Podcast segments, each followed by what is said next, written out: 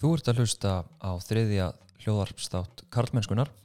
Þátturinn heitir Feður og jafnrétti og er ítarleg útgafa af VF sjónastætti með samanapni sem byrtur var á VF stundarinnar í oktober 2020.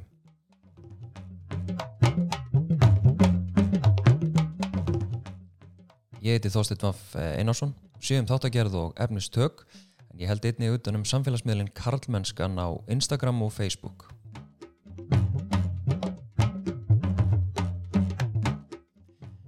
Þessum þætti rínum við í orðræðu um foreldra hlutverkið og hvernig við getum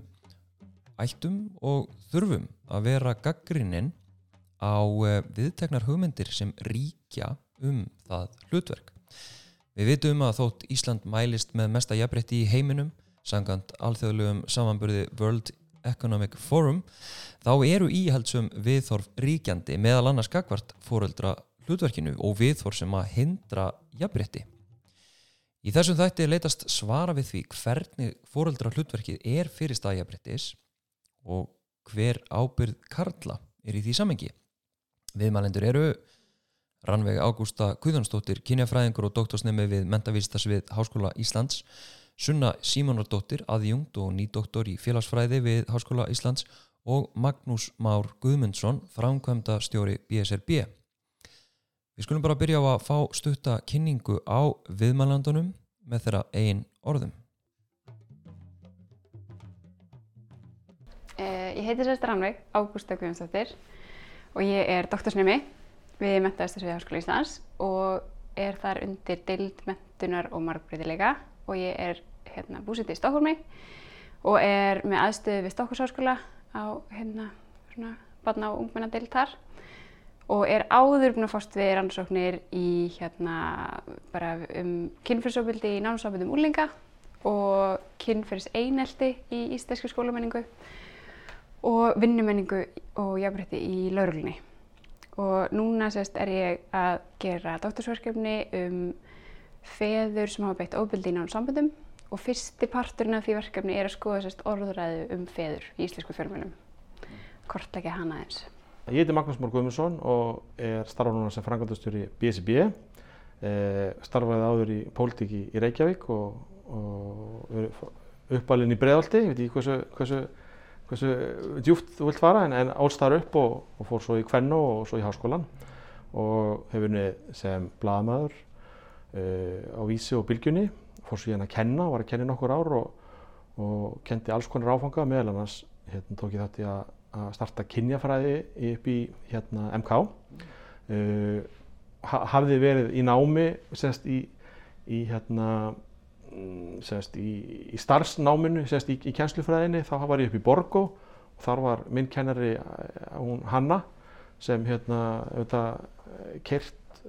kertist af kynjafræðina og svo fleiri hafa tekið upp og er, er kent mun víðar í dag þó hún sé ekki rauninu Ekki, þó að ég talað um hana í lögum og að það í að það hefur verið hluti að náminu þá var þetta ekki raun og orðin fasti. Þannig að hérna, það var mjög gaman. Og svo fór ég hérna eins og sé í pólitíkinu og er núna í, í verkefælispólitíkinu BSB og hérna þar nóg að vera eiginlega alltaf daga. Já, ég heiti Sunna Simóndóttir um, ég er aðjungt og nýdoktor í félagsfræði við Háskóla Íslands. Um, mitt rannsóknar viðfangsefni hefur verið fóreldrahlutverk, sérstaklega móðurhlutverkið. Uh, ég gerði doktorsansókn á ráðandi orðræðum um móðurhlutverkið á Íslandi og hefur kjálfari verið að skoða um, þessi mál. Uh, ég er feminískur rannsækandi þannig að ég nýti feminískar kenningar til þess að varpa ljósi á einmitt hvernig við hugsa um mæður og feður og hvað fælst í því að vera fóreldri og svo framvegis. Þá vindum við okkur í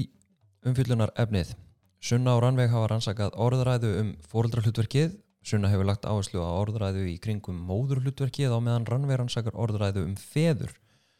og er reyndar að rannsaka feður sem beitt hafa ofbeldi ásandi að rýna í orðræðu í fjölmiðlum um feður. Komum betur að því á eftir. En byrjum á að heyra Sunnu útskýra hitt svokallaða móðureðli. Um, Samofið öllum okkar hugmyndum um kvennileika er áherslan á móðurhlutverkið og þessi hugmyndum móður eðli er þar virkilega um, djúbstæð í raun og veru og hefur fyllt konum um, frá svona örofi alda. Þó að það er svona áherslan sem hefur verið lögð á móðuræðlið er samt sko sögulega séð mjög ólík og, og mismunandi. En það má segja í dag þegar við tölum um móðuræðlið þá erum við að hugsa um þessi svona innbyggðu um, líffræðilegu sterku tengsl sem að mæður þá mynda við börnin sín sem eru einhvern hátt sko sterkari og dýpri og mikilvægri heldur en eh, tengsl föður og barns. Þannig að það er svona ákveðin svona eðlisigja sem að einkennir eh, þessar svona hugmyndir um móðuræðli og þetta ber svona ákveðin keim af, eh, hvað að segja, svona tengingu okkar við aðrar dýrategundir, þú veist, við erum öll með móður eðli það þýðir það sama fyrir veist, kýr og tíkur og konur og svo framvegis sko. Þannig að öll svona samfélagsleg greining á um, sambandi móður og barns verður þar að leiðandi alltaf svolítið litið af þessari svona, um, þessari svona eðlisíkju og þessari svona líffræðilegu tengingu sem, a, sem er sett í forgrunnin einhvern veginn. Doktorsverkefni Sunnu fjallaðum orðræðu um fóröldra hlutverkið eins og það byrtist í fræðsluefni sem útbúið er af helbriði starfsfólki fyrir verðand og nýbaka fóröldra. Ég bað hana að segja okkur ölliti frá því sem hún komst að í þeirri rannsókn. Ég var sérst að skoða uh, upplýsing og fræðsluefni á, á uh, webnum, svona upplýsing og fræðsluefni sem er búið til starfsfólki sem er ætlað þá uh, verðandi fóröldrum og nýbökuðum fóröldrum Þetta voru heimasíða heilsugjæslunar, ljósmóði.is og brjóstakju.is um, og ég var að skoða hvernig það er svona fjallað um fóröldarhlutverkin og hvernig við búum til um, ákveðna svona hvaðir og skildur sem við setjum á herðar mismunandi einstaklinga og það er mjög svona kynjað. Þannig að við sjáum, eða ég sá þegar ég fór að greina þessar upplýsingasíður að innan þessar orðræð á Íslandi þá er ennþá mjög um, íhaldsum, myndi ég segja, um, sína það hvað tilheri móður og hvað tilheri föður. Mæður eru skilgrindar sem þessi svona vettvangur, ástar, umhyggju, hlýju, næringar, samveru, þær vilja alltaf vera með börnunum sínum, þær vilja vera með þau lengi á brjósti, þær get ekki farið frá þeim, þú veist, þær eru einhvern veginn svona eitt með barninu. Fadurinn aftur á móti, hann er skilgrendur þannig að hann er sko, hann er mikilvægur en hans hlutverk er bara í raun og veru mikilvægt þegar kemur að því svona aðstóða móðurinn að uppfylla sitt svona líffræðilega hlutverk. Þannig að hann er kannski svolítið svona mikilvægur þegar kemur að því að, svona verkefni stýra heimilinu, taka til, kaupi matinn, passa móður og barn hafi eh, nægilegt rými til þess að mynda þessi sterku og góðu tengsl. Þannig að mínar niðurstöður benda til þess að einan þessara svona sérfræðingsorður á Íslandi að þá sé í raun og veru móður, eða sérst fóreldrarhlutverkið allavega fyrstu mánuðina ef ekki árin soldið um, einskorðað við móðurina og tengsl móðurinnar við barnið. Fadurinn verður þá þar leðandi soldið út undan og við gerum samanskapi ekki þessar ofsalegu kröfur á hann sem við gerum til móðurinnar, þú veist, að bara elska allt sem við kemur þessu hlutverki, þú veist, að fagna öllu og, og vilja aldrei bara komast í burtu og þú veist, einhvern veginn algjörlega bara svona henda sér í hlutverki að fullum þunga og njóta þess allan tíman. Sunna segir að feður séu pínu út undan í fóröldra hlutverkinu að því að pressan séu öll á mæðurnar í þessu fræðsluefni og, og orðræðinu um fóröldra hlutverkið. Rannveig Ágústa hefur rínt í orðræðina um feður í fjölmjölum. Við skulum heyra hvers vegna hún er að því og hverju hún hefur komið stað. Því ég trúi því að, að hérna, komandi úr svona félagsfræðilegum bakgrunni að, að við sem svolítið bara mótu af þessari þessari menningu sem við búum í og orðræðin er svo ótrúlega stór partur af því hvernig menningin okkar er að þá finnst mér ótrúlega líka beint við að, að hérna, skoða fyrsta orðræðina sem að mótar okkur og sem mótar svo hugmyndir feðra og sjálfsmynd og hegðinu þetta að, hérna, að kortleika það eins hvaða hugmyndir þeir eru með um bara föðurlutverkið og hvaða kannski svona bæði pressa og bara hérna viðhor þeir eru þú veist að innhverfa og einhvern veginn taka inn í sína sjálfsmynd. Uh, sko það sem að mér finnst ótrúlega áhugavert kannski sérstaklega af því að næsta skrif er svo að skoða hérna reynslu færa sem hafa bytt ofbeldi að það sem ég finnst svolítið áhugavert er hversu svartkvít uh, orðræðin í fjölmjölum byrtist að hún byrtist svo mikið í svona andstæðipörum að það er annarkvort, þú veist, þú ert annarkvort fjárverandi eða nærverandi fæðir þú ert annarkvort uh, jafnbryttisinnaður eða kallremba. Þú ert annarkvort góðu fæðir eða slæmu fæðir og þá er útrúlega áhugavert að skoða hvað fælst í því veist, hvaða hugmyndir eru við með sem samfélag um það hvaða er að vera góðu fæðir og slæmu fæðir og, og þegar þetta er satt fram í svona andstæðupurum að þá verður svo áhugavert að skoða veist, svo sjálfsmynd fólks veist, af því það eru svo fáir sem að einhvern veginn eru og lifa í þessum andstæðupurum að fólk er eitthvað starf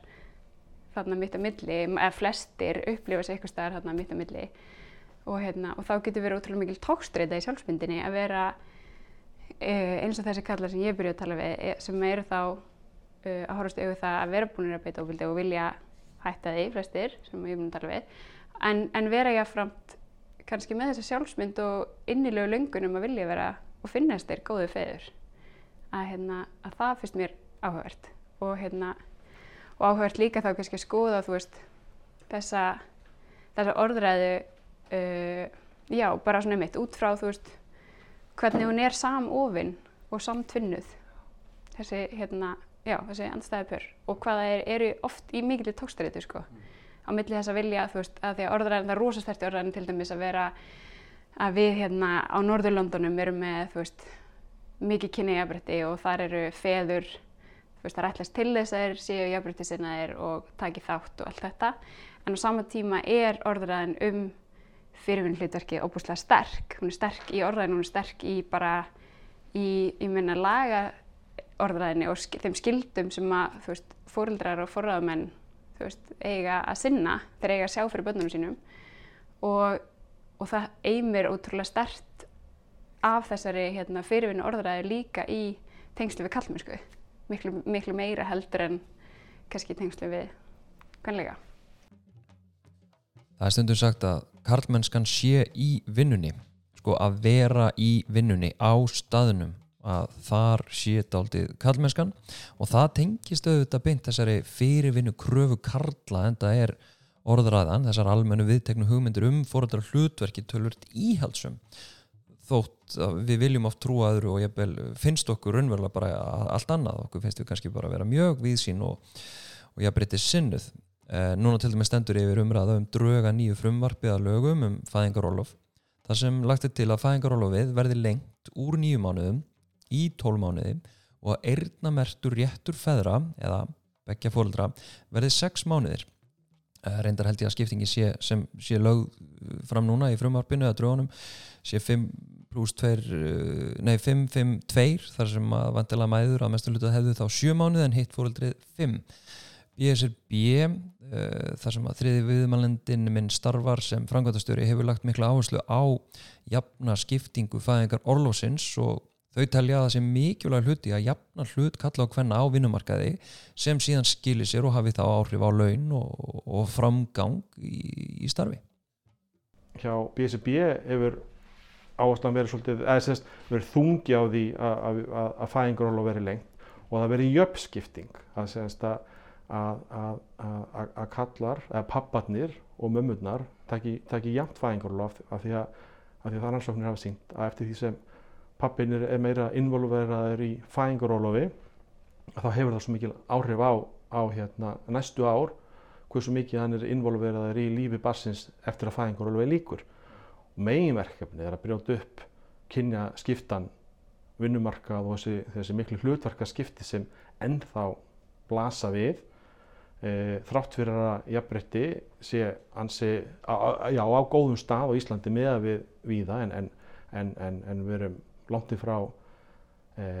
búin að sigra eða, eða vinna, já, loka sigurinn þar, mm -hmm. við erum ekki best í heimi mm -hmm. Skást í heimi? Já, við erum, í heimi, já. já. Við erum ágætt. Það, í dag sérstaklega til dæmis bara það að konur eru að taka miklu meira fæðingar og heldur en kallar og það, þá er það lengur frá vinnumarkaði og, og þá hérna, vinnaðar sinn minni hérna, réttindi til eftirlaun og svo framvegis en það er líka varandi bara framgang í starfi og framgangur í starfi hefur áhrif á launin þín þannig að þetta, þetta tengist alltaf þýleitinu uh, og skiptir greiðilega miklu máli að jafna þennan mun þar sem það er hægt. Og uh, að þetta smitast eins og ég sagði uh, inn í það raun og veru hvern, hvernig verkarskiptingin verður. Að því að í dag já, við erum, við erum með háa atvinnu þáttöku hvenna bara með hæstu í heiminum og mann ekki hlutallið en einhvað síður er að þannig að þrýðjungu hvenna er í hlutastarfi og af hverju eru, eru konur svona miklu hlutastarfi? Og það er af því að þær eru að, að sinna einhverjum umframverkefnum sem þá kallarnir eða papparnir er ekki að sinna. Þannig að þetta, þetta tengist allt með því að involvera e, pappana strax frá fæðingubass og það er held ég það sem bara pappar almennt árið 2020 vilja gera og gegja þegar við sjáum fram á það mögulega að, að ég að mér finnst það hafandi farið í, í í fæðingarlof það sem fæðingarlof var þrýr mánuðir en að horfa fram á að það getur verið halvt árjabel af því að við erum að fara að lengja fæðingarlofi eða Íslingar næsta ári í tól mánuði. En þá eftir að útláða þetta með skiptinguna eh, að, að, að fyrir pappa eiga rétt á sex mánuðum þetta, já, það segir sér sjálf hvað það hefur gríðarlega áhrif. Þannig að, þannig að þetta, þetta, þarf að stokka upp og breyta að hérna að að gefa þá raun og jafna þennan leik þannig að konur eigi kostaði að vera ekki þetta margar í hlutastarfi. Og það er, er þannig að í umönnunar hagkerfinu eins og það er stundum kallað það sem, það sem ólaunaða velferðarþjónusta sem er unnin e, alla daga af, af ná, ná, nánustu ættingum sem er að sinna þá hérna, öldruðum ættingum Eh, fóldrum eh, og börnum að þetta eru mikið til konur og þetta skipta sko gríðarlega, ég veit ekki hvort það hefur verið analyserað einhver tíman, en en vinnustundina sem liggja hérna baki sem er þá verið að spara hinn og ofnbera en líka koma þá niður á konunum af því að þær eru það ekki að vinna sér einu launin eða, eða hljóta framgang og, og, og, og vestur þetta að hérna, hvað munurinn er mikil eh, hérna þegar starfsæfni líkur, mm. þá hérna bara lífeyrisréttindum og öðrum. Þannig að þetta hefur alltaf hrjá. Fyrir mörgum er umræðan sem er í gangi í dag um lengingu fæðingarólásins og þá sérstaklega hvernig skiptingi millir fóröldra er að vera afskaplega heitt og fólk er alls ekkit sammála. Og sumum kemur kannski óvart að innan feministka samfélagsins ef að hægt er að tala um það sem samfélag að þá ríkja mjög misjafna skoðanir. Og, og það kemur mér óvart hversu djúb eðlisíkjan og, og svona líffræðin er í, í, uh, í þessari umræðu. Og ég fer ekkit í gravgötu með mína einn skoðun og ég tel ég og ég tel nöðsynlegt að eirðamerkja fæðingaróla fyrir feður en þá horfi ég á ávinningin sem hefur lotist af slíku á Íslandi og í hinnu Norðalendunum því að feður taka ekki að síður fæðingaróla nema það sé eirðnamert og BSB og fleiri. Það var sínt fram á rauðningsáhrifin sem að það hefur að, að feður taki fæðingar orlof en inn í þessu umræðu fléttast um, sem sagt ekki bara kalda staðrindir heldur líka reynslu upplifum hvenna og ég veit að íkonum sem hafa algjörlega fórðan geðelsu sinni til að koma brjóstakjöfun í gang og, og verið heima með lítil sem engi laun í marga mánuði og að það er svona upplifi umræðan séu hvernig að gera lítið úr já, þeirra þjáningum og, og þrautsegu umræðan verður auðvitað líka tilfinninga heit og svo búum við auðvitað við. Já þann reynslu heima karlar eru almennt með hæri launum konur og því sé að margir eða mörga þau hafa bara ekki efna á því að pappin fari í fæðingarólof þá auðvitað spila það inn í að greiðslunar úr fæðingarólu og sjóði eru allt og lágar. Þannig að þrátt fyrir að samfélagslegur ávinningur að lengtu fæðingarólu og við sé gigantískor og þá leysir það eitt og sér auðvitað ekki önnu vandamál eða, áskorunni sem fólk mætir þegar það eignast börn. Og kannski stærsta ágefnið og ég get svo sem líka að tala út á minni einreynslu af, af því að hafa e, átt tvö börn að hérna er að veit ekki hvernig barni kennst inn á leikskóla en það er ábyrg sko sveitafélag að, að leysa það vandamál. Uh, og það verða náttúrulega ekki öll vandamál eða áskorunir leist með einu frumvarfi, það er ábyrgð margar að leysa ímsar áskorunir sem að tengjast í eignast börn, en sunna hefur bent á að, að við hefum ekki að forma stefnur og setja lögu kringu hlutina eins og þeir hafa verið heldur í þá átt sem við viljum færa hlutina í. Svo rakst ég á umsögn ASI bara núna rétt í eh, rétt í þessu það sem að þau segja í því samingi er rétt að minna á lardóm sögunar sem er sá að flest stærri skref í áttil jafnbrettis hafa mætt anstöðu er þau eru sett fram en í bak sínu speklunum þykja þau almennt langflest sjálfsögð og eðlileg. Þetta er ágættis um, loka orða því ég ætla nú að fara að hætta þessu bladri um, og ég gerir mig líka grein fyrir því að ég er mjög heteronormatífur og, og gengi út frá því að fóröldar sé kall og kona það sem að kallin er í vinnu og konar mjölkar en, en þessi umræðum fæðingarólu og umræða almennt um fóröldar hlutverki er líka afskaplega gagkinnegð og íhaldsöm hún gengur mest út á að fóröldar séu kall og kona það sem kona mun gefa brjóst og kallin þurfa að vinna. Og lítið sem ekki til talað um önnur fjölskylduform eða fjölbreytni fóreldra Sunna á Rannveig komaðis inn á heteronormatífið eða gagkinn eða forræðið í umfjöldun og fræðsluefnu um fóreldra hlutverkið og, og þessa orðræðu almennt þannig að byrjum að þess að heyra í sunnu Samkvæmt minni greiningu sem ég gerði á þessu fræðslefni þá er hreinlega ekki talað um slík samband. Það, þessi umfyllun og og vera, af því þetta er beinleginis fræðsla sem að fólk er sko hvart til þess að nýta sér, skilur við, um, að hún er, hún ber öll merki bara um þetta svona gagkinnhiða forræði. Það er bara kjarnafjölskyldan, uh, kona, maður og barn. Þannig að það er svona ákveðin bara svona þöggun um öðruvísi fjölskylduform. Um, mögulega ekki meðvituð mögulega, þú veist erum við bara einhvern veginn ekki ennþá búin að átt okkur reynilega á því að fjölskyldur getur verið öðruvísi. Það getur verið tvær mömmur og tveir pappar um, við erum eftir á, það getur verið eða að einhvern veginn þessi svona þessi svona breyta fjölskyldumynd hefur bara ekki rata alla leið inn í upplýsingu og fræðslefni með næla góðum hætti. Og það sem er líka svo áhverst í þessari fjölmjölu orðaði að þá ser maður líka svolítið mikið veist, e, normin okkar í þessu norrann samfélagi að þó við viljum meina við séum óbúslega jafnbryttisinnuð og komið langt og allt það að þá er orðan í fjölmjölum samt sem að það er rosalega heteronormativ, þú veist það eru þeir feður sem eru að byrtast, þeir eru hvítir, þeir eru gagkinniðir, þeir eru hérna ófallaðir, þeir eru í flestum tilfellum millistéttamenn, skiljum, þetta er, og hérna sískinja, þannig að þetta er, þetta er einhvern veginn sko líka útrúlega áhugavert út frá því að það er svo margt sem er ekki sagt og það er svo margi feður sem eru ekki greinlega hluti af þessu, þessari hérna, þessum hóp góðu feður, hvort sem að, þú veist, hvort sem að fjölmjölu kannski segja ekkert sérstaklega um það hvort að þeir geti verið með í þeim hópið ekki. Og þegar að þú veist einmitt þessi tvö dæmi sem voru í gögnunum mínum um samkynnaðaföður að, að það eru þá meira oft kannski byrt sem einhvers konar fjárvist að svona fjölmjölu því að jújú jú, þeir mig alveg vera með líka veist, sjáu þið, þetta er þeir alveg til líka í dæminu. En ekki kannski veist, þannig að það sé raunveruleg partur af frett af þessum þessari almenna orðra um góða föður Við heyrðum þannig í Rannvegu beint á eftir sunnu og Rannvegu dróð fram hvernig það er greinlega ekki nóga að leggja sér fram til að vera góðu fæðir maður það líka tilhera ákveðni stjætt og uppfylla í mis félagslega form samkvæmt greiningu og niðurstöðun Rannvegar á orðræðu um góða fæður. Skulum skoða það eins nána hvað það er að vera góður fæðir samkvæmt eh, greiningu Rannvegar og það skal tekið skýrt fram að þetta er ekki eitthvað uppskriftin af því að vera góður fæðir ég þarf þetta að vera skoðun Rannvegar á því heldur er þetta einungis það sem að hún sér og lýsir í gögnunum sínum? Eh, sko, orðræðan, það sem kemur svona fram í þessu orðræðu um góða feður, að þá er útrá stert og sérstaklega sko í tengslu, að því nú er ég mest að skoða norræna orðræðu og það sem er komið fram bæði í veist, fræðilegum rannsóknum og bara fjölmjölum, það sem kemur fram í gögnunum mínum, er þessi tengsl við veist, að góðu fadir, hann undir flokkarnir, ef maður getur sagt það þannig, þessi orðræðum góða fyrir samofinn af orðræðum um e, feður sem eru nærverandi og í því fælst, þú veist, þeir eru taka fæðingar og lof, eru á staðinum og, og oft kannski, þú veist, að speikla það í einhverju svona,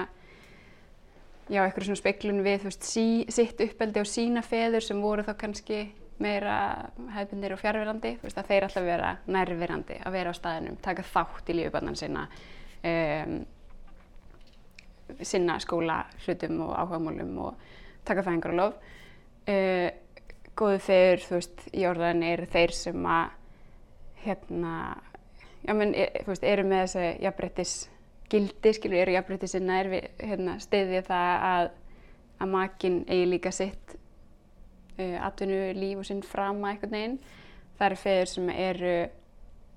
hérna, til í að gera eitthvað skemmtilegt og það er útrúlega áhugavert finnst mér í tengslu við sko, kallmennsku og, og orður en feður sérstaklega af því það er svo miklu sterkar heldur en uh, í tengslu við mæður að feður eiga að vera þeir þú veist sem einmitt gera eitthvað skemmtilegt. Og þeirra tímum börnunum fælst kannski meira í því að, að þú veist fara eitthvað, gera eitthvað veist, vera í svolítið svona skemmtikrafta hlutverki miklu meira heldur en kannski allast til að mærum sem eiga bara að vera á staðnum og, og, veist, og þeirra umunum hlutverka kannski meira þetta veist, eldamat, hátta uh, þetta meira kannski dagstæðilega rútínan og meðan að hérna að góðu fyrir eru oft kannski skemmtikraftar og að fara, fara í hérna, skemmtikarða og, og hérna, útilegur og eitthvað svona. Uh, og ég hugsa að það sé sterkar kannski í sjálfsmyndinni þeirra heldur en oft mæra. Mér finnst alltaf svo áhört og gaglegt að bera saman hugmyndir til dæmis um föðuhlutverki og svo móðuhlutverki því að þá byrtist oft svo stert hvernig kynjakerfið og íhaldseminn er að reyna að hafa heimil á okkur, að okkur niður í æskilega og, og, já, og ásættanlega hegðun sem að við séum innkverfum, miðum okkur við og dæmum okkur út frá. Erum sunnu lýsa hugmyndakerfinu aðeins? Uh, eins og við þekkjum þá náttúrulega voru kynjónum sko þeim var skipt á mismunandi svið. Karlar voru með þetta almennasvið, uh, þeir tóku þátt í samfélaginu, pólitík, öllum stofnunum samfélagsins, uh, atvinnlífin og svo framvegis og meðan konur fengu þetta engasvið. Það sem að þeim var svona svolítið svona, e, þær voru settar í þessi hlutverk að vera húsmóðir og móðir. E, þannig áhersla náttúrulega þá færist á einmitt þetta hlutverk, þetta móðurhlutverk, en frá í raun og veru e, föðurhlutverkunu vegna þess að það var einhvern veginn bara talið ekki skipta jafn miklu máli. Feður átt að vera lengi vel svona kannski einhver svona fyrirmyndir, sinna agamálum og þess aftar höfuð fjölskyldunar og svo framvegis en þessi svona sterku tilfinningalegu tengsl um, barns við fóröldur sitt voru algjörlega frátekinn fyrir mæður. Sunna sér þessar ólíku kröfur og hugmyndir um mismunandi hlutverk fóröldra að vera fyrirstuði jafnbryttis á margvíslegan hátt? Uh, hún er fyrirstaða jafnbryttis á ótrúlega margvíslegan hátt að mínumati. Um, ef við tölum um bara þessar kröfur sem eru gerðar á mæður um þessa, þú veist, að henda sér í hlutverkið og, og vera bara, þú veist, einhvern veginn í þessari stöðu samveru og þessari löngu brjóstakjöfu og svo framvegis, að þá vitum við að þær eru náttúrulega ekki á sama tíma að taka þátt í samfélaginu á sama hátt og mjögulega fadurinn er að gera. Þannig að þá strax eru þær komnar einhvern veginn inn á heimilið um, og þær þá náttúrulega mynda í flestum tilfellum þessi sterku tengsl við börnin sem síðan halda áfram út lífið ekki satt. Af því að það er stundum talað um einhvern veginn eins og þú veist að móðurinn er mikilvægst til að byrja með en svo kemur pappin bara jafn sterkurinn en þá er bara búið að mynda á hvern svona hegðunaminstur. Barni veit að það getur leita til mömmu, mamma er til staðar, skilur við, og það getur verið erfitt að breyta því. Og allar rannsóknir hafa sínt fram á að ég raun og veru líka hjá pörum sem að uh, vilja hafa jafnbretti í sínu parasambandi að þegar barn síðan kemur til sögunar og þau verða fóreldrar að þá eru ákveðna líkur á því að parasambandi breytist í áttað svona íhaldsamari um, minstri þar sem móðurinn er meira að sinna barninu og líka heimilinu, heimilistörfum og svo framvegs. Við sjáum þetta í atvinni þáttöku, konur eru miklu líkleri til þess að vera í lægra starfslutfalli. Það er vegna þess að þær þurfa að sinna meiri heimilis ábyrð. Uh, ég held að uh, við séum bara alls sammála um það uh, og þetta hefur líka öðruvísi áhrif, þetta hefur áhrif á bara getu einstaklinga til þess að, að, að vera sko vera marglaga persónleikar, hafa sko uh, tækifæri til þess að sinna þessum, öllum þessum ólíku hlutum sem okkur langar að vera að sinna. Þú veist, í staðis að vera einhvern veginn bara mamma eða, skilur þau? Ég skil. En ég baði sunnum að tala inn í þá augljósu staðreinda í flestum tilökum geta pappar ekki mjölkað og, og brjóstamjölkin síðan skaplega mikilvæga og hún mæli með að, að börn fái eh, já, jafnvel brjóstamjölk eh, að tveggja ára aldri. Stuttasvarið hennar var það að konur eru meira en mjölkurútubú en hér kemur ítalæra svar í hennar frásögn. Um, því er oft haldið fram um, og ég hef tekið eftir þessu sérstaklega núna upp á síkasti þegar við erum ennþá eða alþingir ennþá að debatta um sko, hvernig fæðingarorlof, nýju fæðingarorlofslögin eigi að vera og hvernig skiptingin á að vera. Að sumir muni segja að móðurinn þurfi einfallega meiri tíma með barninu heldur en fadurinn vegna þess að hún um, býr yfir annari líffræði, hún getur verið með barnið á brústi og það er næring barnsins og svo framvegis. Einhver þarf að vinna og þá meika bara svolítið sansa að það sé pappin satt. Uh, við þessu myndi ég segja að sko brjóstakjöf hefur upp á síkasti verið notur sem svona ákveðin réttlæting fyrir hefðbundum kynjahlutverkum. Uh, rannsóknir erlendis frá sína að uh, þar sem fæðingarólofi er deilt jamt, það skerðir ekki brjóstakjöf móður. Þannig að þetta eru einfallega áhyggjur sem eiga ekki verið auka stiðjast. Í öðru lagi finnst mér mikilvægt að ítrekka að konur eru meira en mjölkur út í bú Það eru ekki allar konur sem geta eða vilja vera með börn sín á brjósti. Stundum gengur það illa, stundum er brjóstakjöf stutt. Það er hægt að gefa brjóstumjólk úr pela. Það eru miljónlausnir en afskaplega fá vandamál við það að deila þessum hlutum með jafnara hætti. Sunna telur að við, feður, mæður og fóreldrar getum beitt okkur fyrir jafnbretti í gegnum meðvitaðar ákvarðinir og, og verka skiptingu í fóröldra hlutverkinu og hún segir mér að segja að fóröldra hlutverki sé einn besta leiðin til að beita sér fyrir jafnbretti. Um, ég held að það sé einn besta leiðin til að beita sér fyrir jafnbretti og þeir gera það með því að um, ákveða með móðurinni um, strax frá upphafi að þetta sé einn eitthvað verkefni, það er að segja að hugsa um og annast um þetta barn, að það sé eitthvað verkefni sem að parið ætlar að deila með sem jöfnustum hætti. E, þannig erum við að tala um bara þessi hefðbundin verk eins og hugsun barnið haldaði, skiptaði og svo framvegis en líka bara þú veist pælingar með fæðingarólof, að taka jæmt fæðingarólof, þú veist ekki láta samfélagið eitthvað neginn íta sér í þessi hefðbundin hlutverk og þetta mun verða til þess að það mun verða meira jafnrétti inn á heimilinu. Uh, konan hefur meiri möguleika á því að standa jafnfætis manninum á vinnumarkaði. En þetta mun líka held ég hafa áhrif á uh, viðþór barnsins ykkar til jafnréttis. Skiljið, að sjá pappa gera allt sem mam mamma gerir og, og öfugt. Þú veist, að það sé ekki einhvern veginn einhver störf eða einhver umhyggjustörf frátekinn fyrir annað kynið. Og þetta, þetta líka svo áhverst að því þarna veist, komum við aftur inn á e, svona, veist, þennan ótrúlega þrönga veg bæði, veist, sem er svo oft búið að tala um í tengslu við kvenleikan, þessi þröngi vegur kvenleikans að þurfa að feta, þú veist, einhvers konar, eða, lappa einhvers konar línu millir þess að vera of og ekki nóg, að, að vera ekki nógu uh, sexy og millið þess að vera drusla eða vera, þú veist, heimavinnandi og hérna sinna börnunum eða ofmikið útvinnandi og bara framakonna, skilju, og hérna, og þú veist, og þannig að sjá við að þetta á við líka þegar það kemur að kallmennsku og fæðurum, að þarna er ótrúlega svona þröng og ómöguleg lína að ganga að millið þess að vera, þú veist, of og ekki nóg, að millið þess að vera, þú veist, annarkort um eitt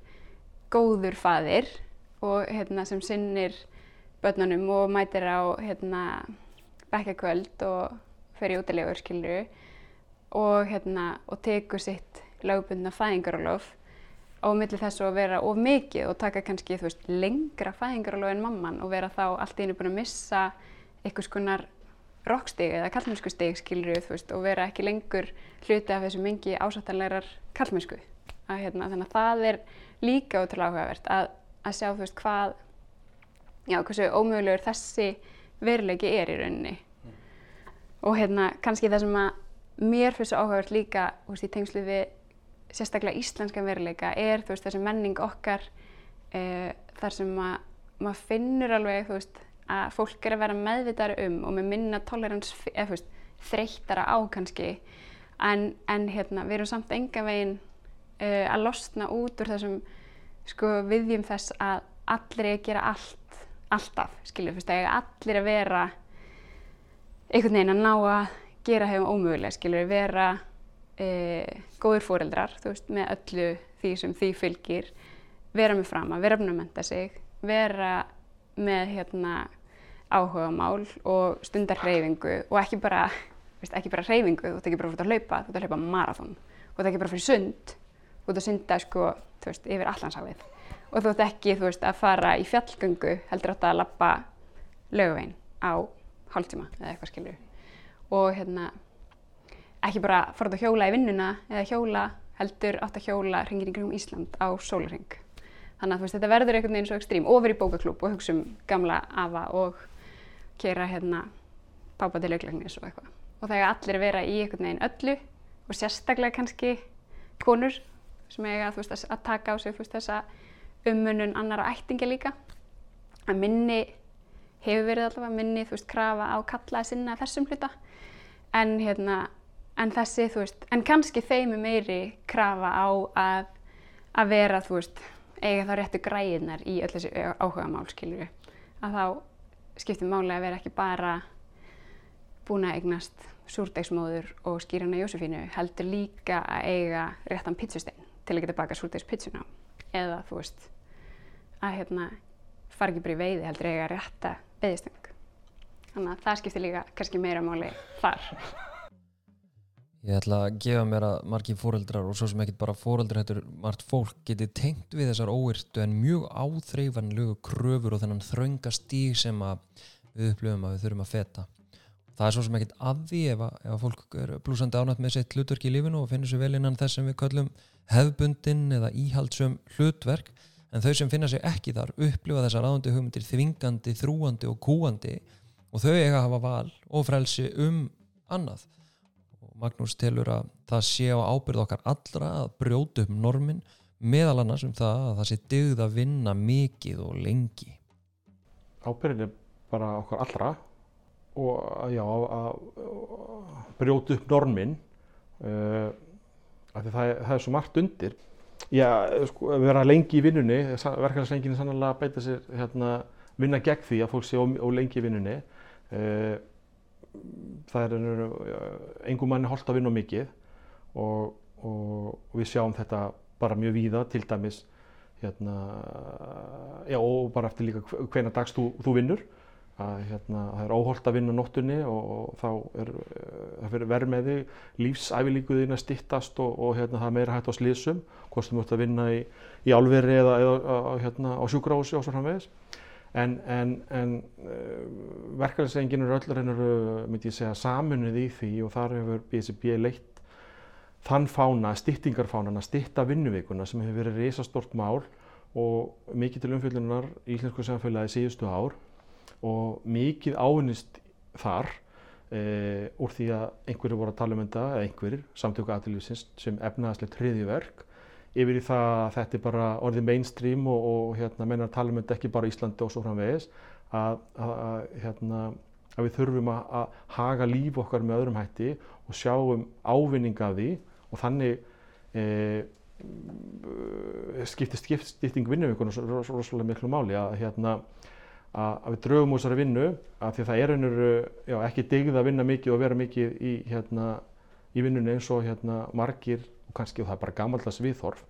En það er nefnilega svo frábært með stýttinguna að tilhörnaverkefni sem bæði eh, var farið í hjá ríkinu en fyrst hjá Reykjavík borg Reykjavík borg leiti, leiti þetta eh, lengst af. Að, að sjá sko uh, og það var mjög áhugavert fyrir mig að því ég var að stúsast í þessu á sínum tíma eða fyrir bara já, fyrir ekkert lengur síðan að hvað þetta er stort jafnbryttismál að einmitt og maður sá þetta bara og heyrði þetta í viðtölum og, og sá þetta í skýslum að hvað papparnir töluðum eða kallarnir að þetta var líka snýraði sko að geta syngt fórildrum sínum fyrir þá segast eldri kalla en fyrir yngri kalla, pappa að einhvern veginn eiga að kosta á þó verður ekki að vinna nefnum bara upp á hellisæðvirkjun að hérna það sem vinnundarum vakna voru langar. Þú gast þó sótt á leikskólan eða verið komin heim þegar barnið kom úr frístundin og svo framvegis og menn sá þetta sem sem lífsgæði að, hérna, að, að lífið, að vinnan var ekki að rammaði þannig inn að þú gætir ekki fyllt barninu þín eftir í að modni eða þegar, kemur, þegar, þegar barnið var í ljúka sínum vinnudegi. Þannig að hérna, og, og, og að gegja komment hérna, e, frá tilhörnarstað e, hjá ríkinu, hérna, að því þá var það, e, semast, hérna, pappi er miðugudagur í dag, ertu, ertu í styttingu í dag, að þá var það eftirsóknarvert hjá barninu að pappin væri stittra að vinna, búin að hádegi, þá kem ég fyrir heim og hitti pappa að því að miðugudagur og pappi er að vinna minna. Barnið hérna sá kostina og fast að gegja og pappanum, pappinu þetta sömulegis. Að vera lengi í vinnunni og, og fyrirvinnu hlutverki er ekki bara arfleð sögunar heldur er líka auðvitað hluti af hugmyndinum að vera góður maður, alvöru maður og, og góður faðir.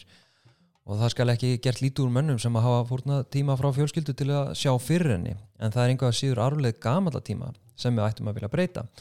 Og það er hægt að breyta meðal annars með því að vera gaggrinnin á þessi form og, og rína dalt í orðræðuna sem að við halda öllum þessum íhaldsum hugmyndum sko þar finnst mér orðuræðan koma ótrúlega stert inn í. Að því að og þú erum alltaf viðþorfin í samfélaginu og því að orðuræðan er ekki bara eitthvað þú veist,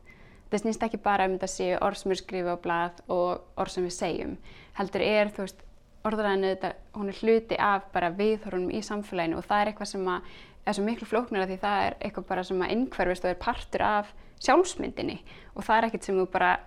hættir eitthvað bingo og notar annað orð skilur og þá er málið klappa á klárt. Heldur er þetta kannski bara virkilega og innilega stór hluti af því sem þér finnst félast í því að vera góð manneska og góðu fæðir og, góð, og, fúst, og alveru kallmaður og alveru kona og allt þetta. Og, hérna, og það er ekkert sem hún breytir eitthvað þrýr og þarft ótrúlega kannski meðvitað að og gaggrinni að fara í gegnum sem er ótrúlega óþægilegt, það er ótrúlega óþægilegt að fara í gegnum einhvers konar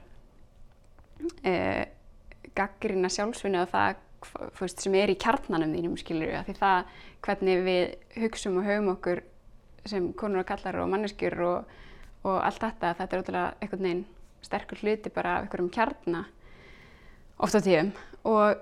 og það er kannski líka það sem að er ákveðin fyrirstæð, af því að ef þú ert alveg upp í menningu þar sem að um,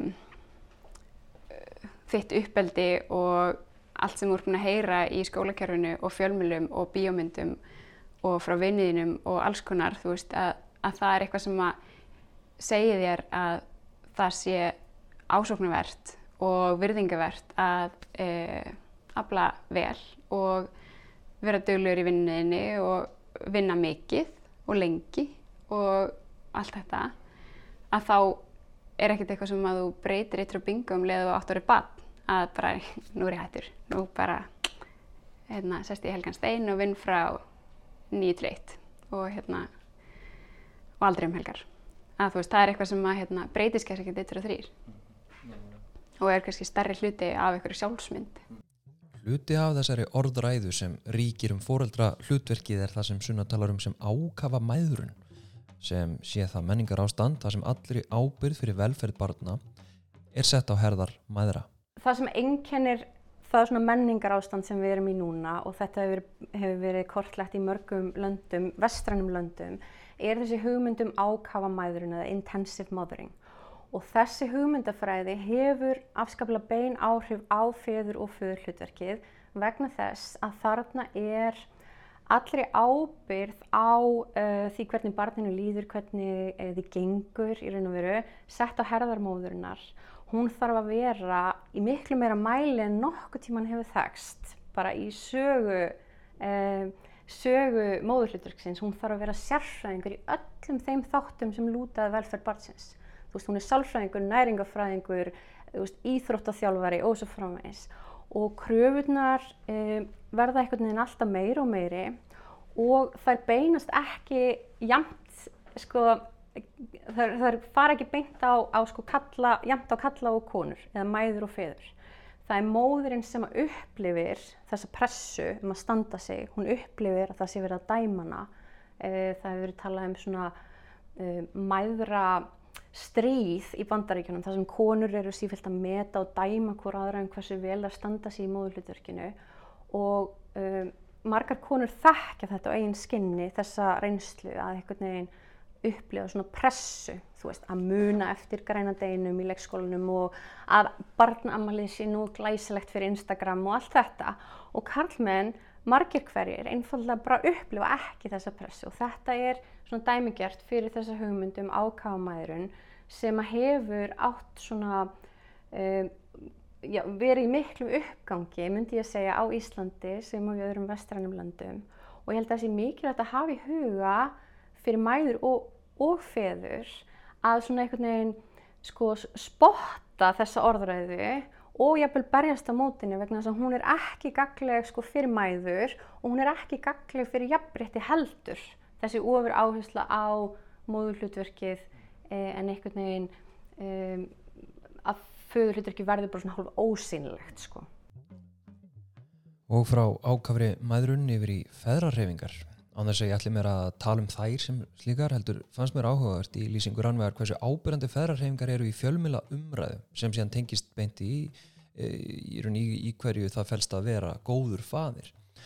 Rannveig talar um að það er sín þátt í því hversu svart hvít umræðan og viðþorun eru. Annarkvort ertu góður faðir eða þú ert bara vondur faðir. Annarkvort ertu betur úr tálmunum eða þú ert ofbeldismadur og það er ekki þarna á milli. Hún talar um hvernig fjölmilar og við sem neytendur verðum að einhvers konar réttar sal látum Rannveigu bara útskýra þetta eins En þarna líka kannski komum við svolítið inn á bara hvað, hvað þetta er í rauninni sko skadilegt þegar að orðræðan bæði fjölmjölum og náttúrulega í samfélaginu því að fjölmjölar eru líka, þú veist, þeir eru speigill svolítið bara á uh, orðanir sem eru í samfélaginu, þeir bæði náttúrulega hafa áhrif á hana en eru líka mótaðir af fólki sem lífur hræðist í menningunni en þarna veist, komum við inn á hvaða getur verið skæðilegt þegar orðan er svona svartkvít og byrt í svona andstæðupörum af því að þegar að hérna, við byrtum eins og orðanum feður á þannig hátt að eins og ég sé hana þá er til dæmis þessi, þessi hluti varandi sko forræðisteilur er svo ótrúlega áhugaveru hluti af orðrænum feður af því að þar kemur svo ótrúlega sterti ljós eitthvað skonar, þú veist þar verða fjölmjölar eitthvað skonar réttarsalur eitthvað svona almennu réttarsalur þar sem að um, foreldrar og, og feður oft þú veist þurfa einhvern veginn að vera sanna uh, sakleysi sitt. Eða þú veist eð, þarna getur einhvern veginn það byrtir svolítið annarkort, þú veist annarkort um, annarkvæmst verður slæmifæður og ofbildismæður og skrýmsli eða þá að hérna, þú, þú veist, þetta byrtist einhvern veginn í þessum anstæðapurum að þar sem að það er verið að reyna að sanna þá annarkvort uh, já, hver hefur rétt fyrir sér einhvern veginn? Hvort, þú veist, hvor er raunverulega fórnalambið, annarkvort fadirinn sem er þá raunverulega góður fadir og, og andstæðparið á móti því er þá, þú veist, eitthvað svona tálmunamáður sem að er er hinn raunverulega, þetta er hinn raunverulega skrýmsli skiluru og, og fadirinn þá fórnalambið eða þá að, að hún er hinn raunverulega fórnalamb og brotaþalli og hann raunverulegt skrýmsli og ofbildismæður og það verður einhvern veginn svo ótrúlega svartkvít orðræðan í fjölmjölum þegar, þegar tilgangurinn verður einhvern veginn að sanna hvor hefur rétt fyrir sér. Að sanna þú veist hvor já að ég veit ekki. Og, og, veist, og þarna komum við kannski inn á uh, hvaða verður flókið að hafa eitthvað á milli. Og veist, þar eru til dæmis veist, koma inn uh, þessar feðrunar hérna hreyfingar eins og Daddy 2 og alls konar svo leiðis að hérna sem eru þá kannski eitthvað svona afsprita af oft þessum forræði steilum og hérna og tala, veist tala svolítið inn í þessa, þessi andstæðipur og verður einhvern veginn flókja því að veist, ég veist ekkert um það að þarna, ég veit ekki, ég vil ekki gera lítið úr því að, að auðvitað eru þarna líka raunverulegi brotaþólar og raunverulega fólk sem hefur beitt ofbeldi. Og en, veist, en það breytir ekki að það er oft, oft þannig að hérna að flestum fóröldrum langir umverulega að vera gott fóröldri og vera í tengslum við börnin sín og eiga náinn og góð tengslu börnin sín. Þannig að ég hugsa að það sé ekkert endilega einhvern veginn ég þetta ekki, ég held að það, það með kannski ekki gleymast heldur í því þegar það er verið að byrta veist, þessir, þessir orðræður um feður og feðurina reyfingar sko. þó að, hérna, að byrtingamyndin sé kannski ekki hefileg. Rannveg er um þessa myndir þegar þetta er tekið upp í oktober 2020 en þá leita viðmælendu fyrir rannsóknuna sína hún leitar af feðrum sem beitt hafa ofbeldi og vill ná tali af sem fjölbreyttustum hópi feðra áhuga sem við geta haft samband við hana Rannvegu uh, fyrir ármátinn 2020 og eða fengi nánar upplýsingar um þessa rannsókn í, í gegnum nettóngi hennar Rannvegar sem að er RAG43 at hi.is Það að tala um feður sem hafa beitt ofbeldi um, finnst mér svo áhugavert af því að uh, þegar að við erum að tala um feður sérstaklega að þá verður svo ótrúlega augljóst hvað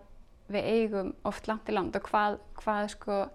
hvað málaflokkurinn er flókin af því að e, með því að skoða sérstaklega feður veist, þá verður einhvern veginn svo augljóst að brotaþólinn er alltaf e, tengdur gerandanum og, eða, veist, eða nánast alltaf tengdur gerandanum bara út lífið í, í gegnum þessi börn. Og börnin koma alltaf til með að eiga e, þannig föður hvort sem hann er í sambandi við þau eða ekki skiluru hversu mikið stóran þátt sem hann spilar í, í lífið þeirra. Og að þessum feðum, feðrum langar langa oftast og að vera í góðum samskiptum við bönni sín og, og upplifa sér ofta tíum sem góða feður eh, og þá einhvern veginn sittum við eftir með svolítið spurningar um okay, hvað ætlum við þá að gera og hvernig ætlum við að taka á því sem samfélag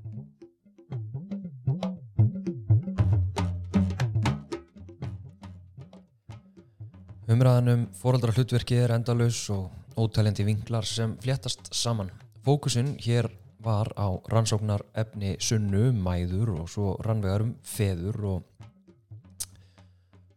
því var sjónarhóttni bæði mjög þröngt en líka kannski full vít.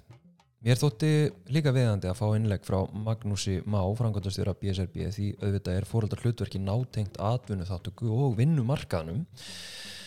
og þar tengist þetta sérstaklega vel í tengslu við fæðingarólusumræðana og síðan auðvitað kynskipta vinnumarka og launaminn og svo framvegis. En umræðan verður auðvitað ekki tæmt hér en það var það ekki markmiðið heldur fyrst og fremst að varpa ljósi á orðræðuna sem er ríkjandi.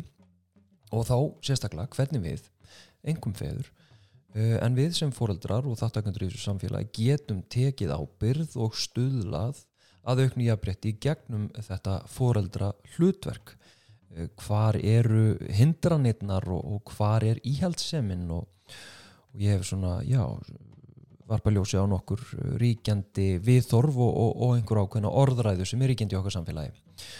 En ef ég reyna að kjarna þetta í einn megin bóðskap eða svona þema í þessum þætti að, að þá er það kannski það sem að séfræðingandi mínir og viðmælendur þáttarins eru samálu um að,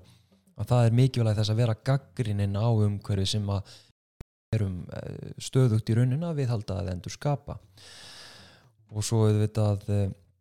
voru farða fram ákveðin svona sjónamið fyrir því að, að lengt fæðingarólof e, feðra, eirinnamert fæðingarólof feðra e, sé stort skref í jafnbrettis átt þráttur að við séum náttúrulega ekki öll samála um það